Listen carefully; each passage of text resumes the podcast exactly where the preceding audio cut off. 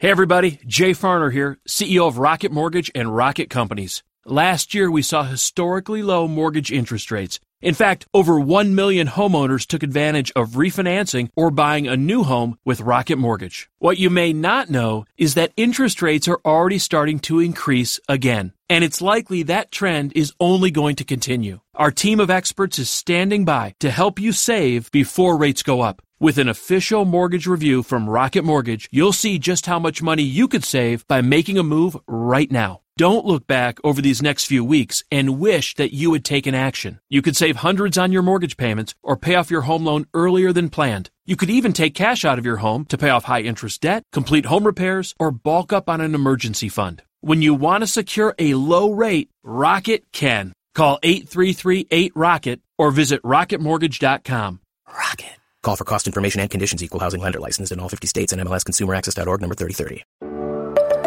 This is what matters most, and I'm Matt Popovits.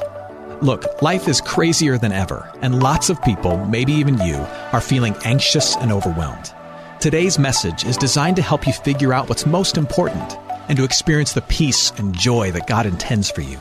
Because life is a gift, and it shouldn't be wasted on worry. I'd like to give you a resource, something to help you navigate the road ahead. Just go to mattpopovits.com, click on the icon, and we'll send it to you. That's Matt, P-O-P-O-V-I-T-S dot com. And hey, if you happen to live in the Houston area, I'd love to see you on a Sunday morning at St. Mark in Spring Branch. Head to stmarkhouston.org to plan your visit. Here's today's message. Thanks for listening. So, this morning we're continuing a teaching series called Practicing Christian, where we're looking at six essential attitudes and habits for a life of following after Jesus. A life really of constantly growing in what it means to be a follower and disciple of Jesus. And today we're going to shift to uh, a habit, a practice that is essential to a life of learning to love and follow Jesus. And that's the habit and the practice of prayer. And my, my aim in this conversation is, is to not focus so much on the, on the why of prayer, because most of you understand that if you're here as a follower of Jesus, you should pray. But for you to understand and appreciate that life as a practicing Christian is a life of exercising and growing in prayer. It is. And they give you some practical resources and insights on how to do that. Let me start here. Um, human beings are wired, we are made for prayer. When we don't have it, we suffer from the absence of it. There are certain benefits of prayer that, whether you know it or not, we crave, we desire, we need, and we try to backfill some of the blessing that really only prayer can truly bring in any number of ways. Uh, study after study tells us that human beings require certain basic things in their lives. We require things like connection, we need other people. We require a sense of meaning and purpose. We're hungry for an answer to the question of, of why. We, we want to feel safe and secure. We, we crave things like peace. We, we also have this deep desire to be heard, to know that, that someone out there understands what's going on in here. And when we don't have those things in our life, we will seek to find those things in things like um, going to the gym and exercising, in downloading a bunch of podcasts and trying to better ourselves by being people of profound knowledge. Uh, we'll go and talk to a therapist. That's a good thing to do. Maybe you're, you're into mindfulness and meditation right now. None, none of those things are, are, are bad things on the surface. Uh, but what the Christian faith teaches is this that those urges you have, those needs that you have to be connected to other people, to, to be heard as an individual, to have a sense of meaning and purpose, and to know that you're going to be okay in the very end. Those urges are ultimately, ultimately a sign of your need to be connected to your Creator. Those needs are good, and the other ways in which we try to meet them are not necessarily bad, but they are signs of a deeper ultimate need that you have, which is to be in an intimate relationship with the infinite. Uh, the deepest need that you have is to be in a dynamic relationship with the divine. And, and the first thing I want you to write down is this that that's what prayer is. Prayer is communion with God. It is a communion with God that will, over the course of your life, it will satisfy your deepest needs in ways that other things cannot. Prayer is communion with God. It satisfies your deepest needs in ways that other things cannot. Now, like, like everything else in this broken world that is worth doing, prayer does not happen easily. It's not something that you're instantly good at. It, it, it's a lot like, like being in love or staying married. It's, it's easy at first, but in order to do that for the long haul and to enjoy the richness of it, you really have to work at it. That's true with prayer. Now, now, if all of that is true, that we have these deep needs that are only really satisfied by this dynamic relationship with the divine, and prayer is, is a central way in how we, into uh, a central way of how we connect into that dynamic relationship that we need, then it makes sense that Jesus would spend a lot of time demonstrating this for us, and talking about this for us, and teaching on this for us, which of course he does.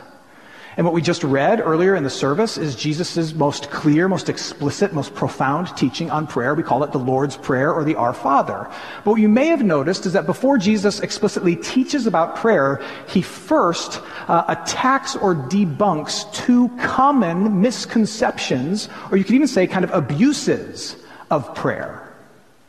Uh, take a look again at what Jesus says. Starting Matthew chapter 6, starting at verse 5, then we'll jump to verse 7. Jesus says, and when you pray, you must not be like the hypocrites. Jesus is using firm language. You must not be like the hypocrites, for they love to stand and pray in the synagogues and at the street corners with the goal that they may be seen by others. And when you pray, do not heap up empty phrases as the Gentiles or non-believers do, for they think that they will be heard for their many words. So with these words, Jesus attacks two misunderstandings about prayer.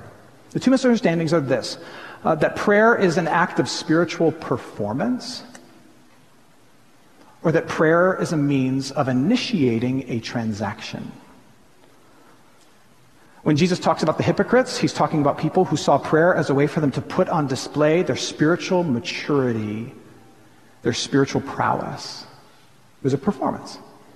When he talks about the unbelievers, the heathens, or the Gentiles, he's talking about people who, who believed that they could that they could charm the pants off of the deities by saying enough words, by finding the right incantation. They could unlock the generosity of the gods and get whatever they want. It was about a transaction. It's about a transaction, a performance or a transaction. Kind of like, like rubbing the genie's bottle and you get three wishes, right? That's not how this works. It's not about a performance. It's not about a transaction. So what is it about? Now, before I dive into that, some of you may be thinking, Matt, nobody thinks this way anymore. Shoot, most people don't even pray, right? And that's true. Study after study tells us that, that a small margin of even Christians pray on a daily basis. So you might be thinking there's, there's not many people left who see prayer as this act of spiritual performance, and, and there's probably not many people left who see prayer as a means to get whatever they want from God. To which I would say, not so fast. People are still really guilty of this. And you know who the primary perpetrators are? You. And me. I will include myself in this. For, for example, every time that, that, you, that you stop yourself from praying in any capacity in a public space because you are afraid of what the perception of others might be, you are guilty of seeing prayer as an act of spiritual performance something that might be gauged and seen and measured by others. Or, or every time you, you get angry because the, the prayer that you prayed didn't get answered in precisely the way you wanted it, even though you had really good intentions when you prayed and you think you said all the right things, you are guilty of seeing prayer as ways of initiating a transaction. Or whenever you say amen and the first thought you have is, man, that was pretty good, I should go pro. Or, man, that was awful. You're seeing it as a performance.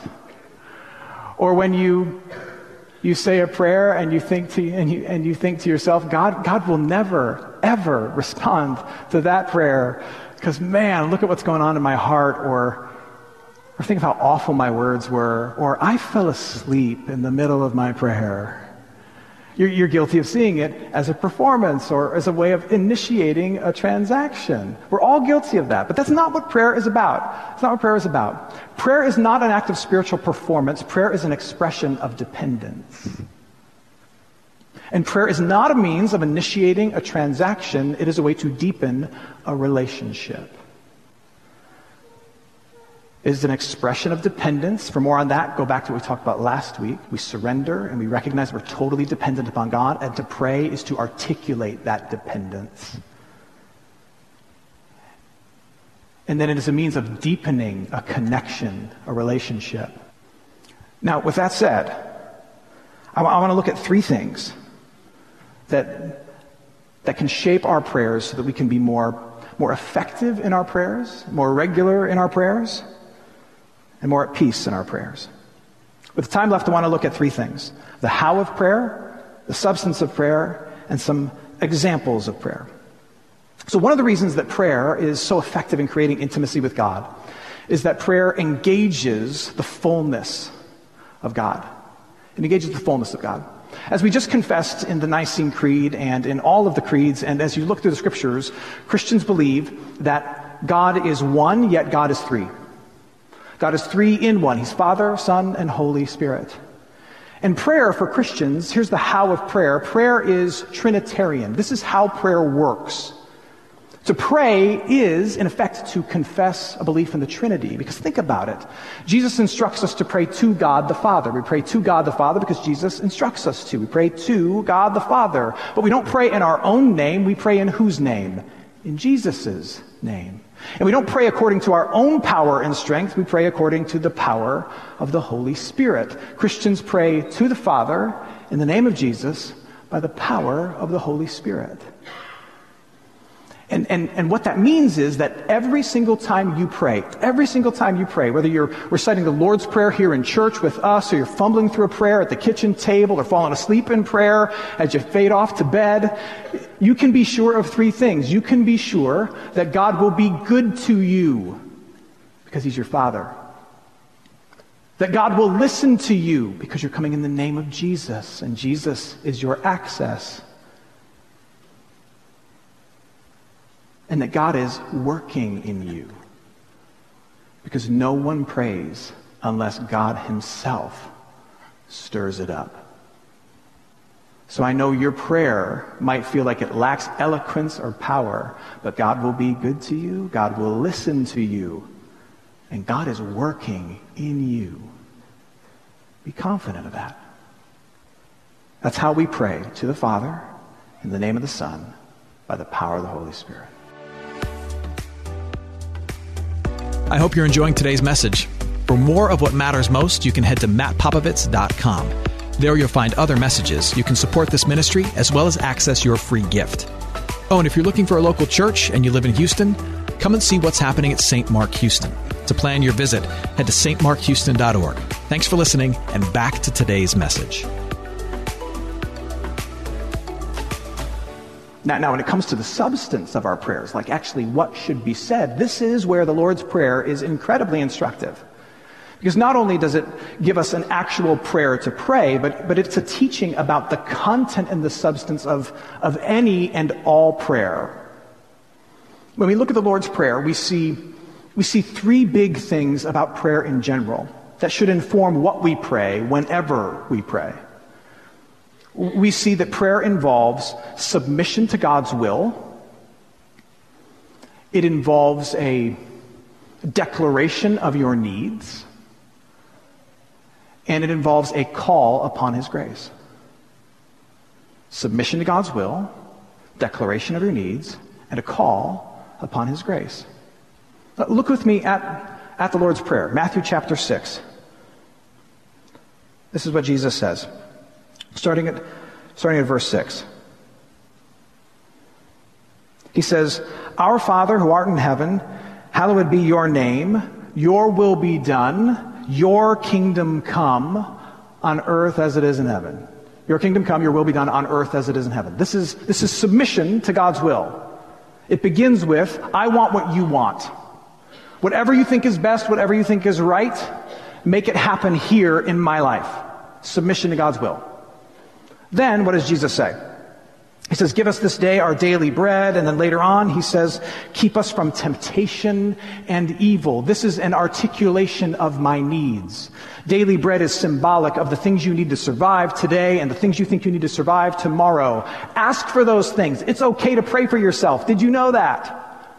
Lord, give me what I need to survive today and keep me from shooting myself in the foot today through temptation. Protect me. Articulate your needs.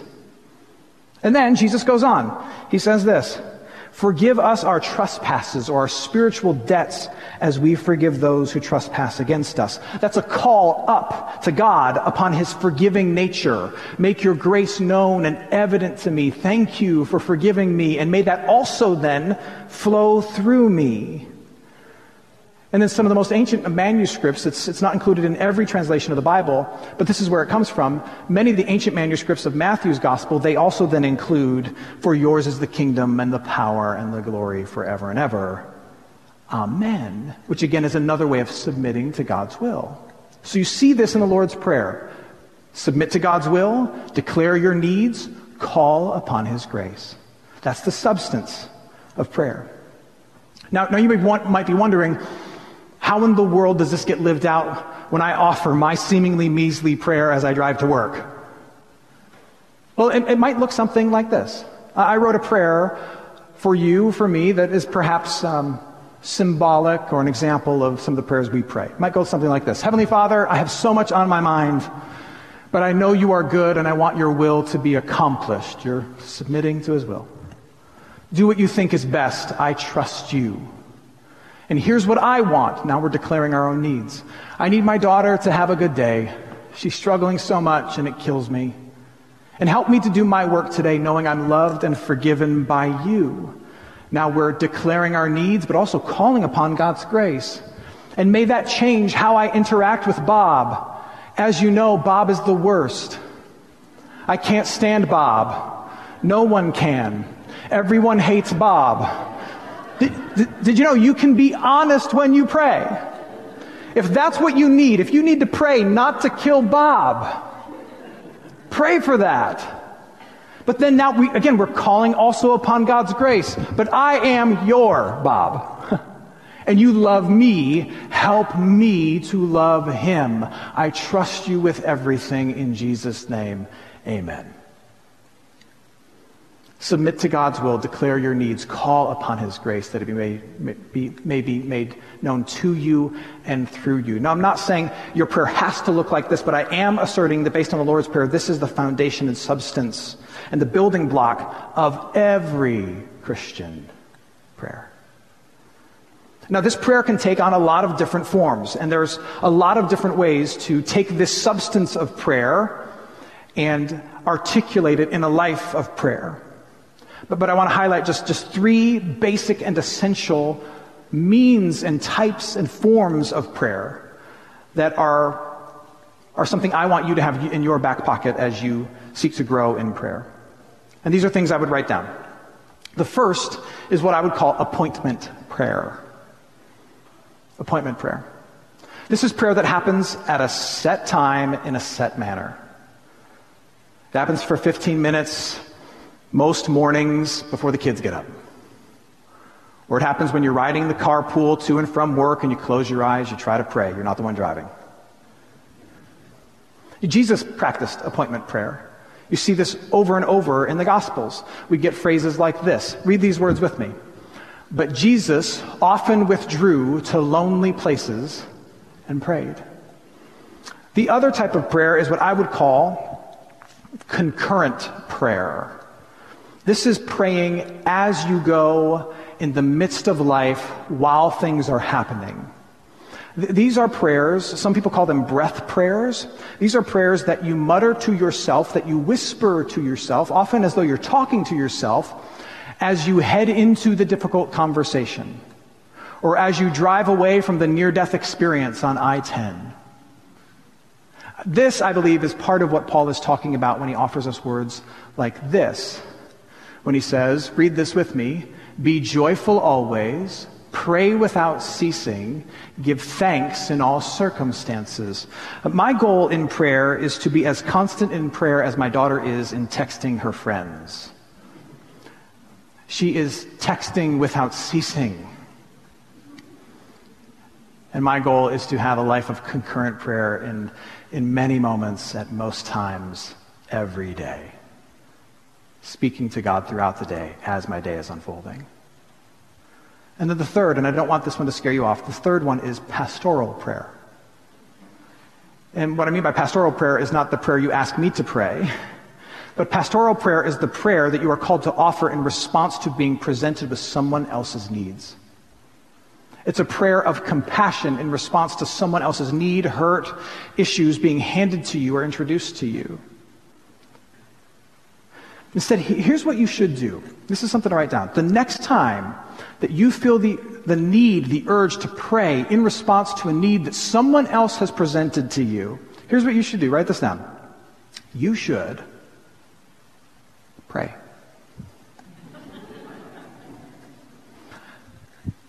right then. Right there. Now, I know that that is really, really difficult because you're standing in the, the checkout line at the supermarket. It's going to make everybody weird. It's going to feel really, really awkward, but I challenge you. I challenge you.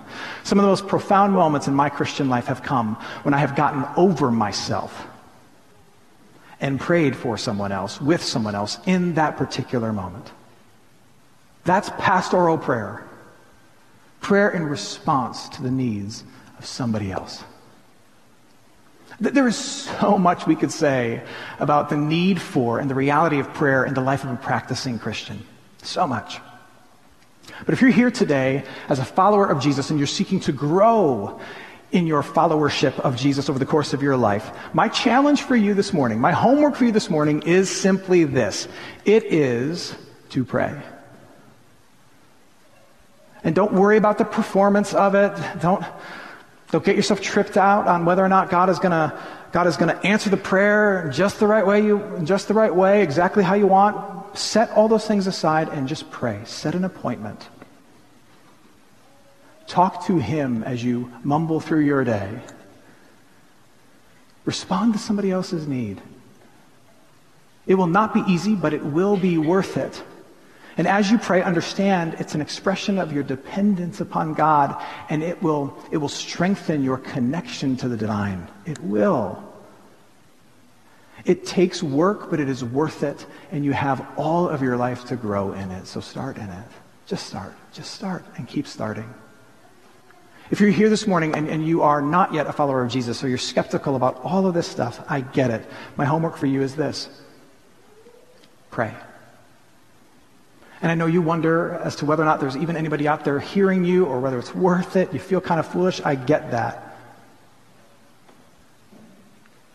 But what do you have to lose? I mean, at the very least, study after study, secular studies, like from the Journal of American Medicine, I can hand them to you, tell us that there is psychological and physiological benefit, tangible benefit in the lives of people who pray. So at the very least, consider it an investment in your, it an investment in your wellness and chalk it up to science, okay? I'll close with this. There was an older woman who was at a yard sale and she stumbled across uh, an old piece of crocheted artwork, handmade artwork.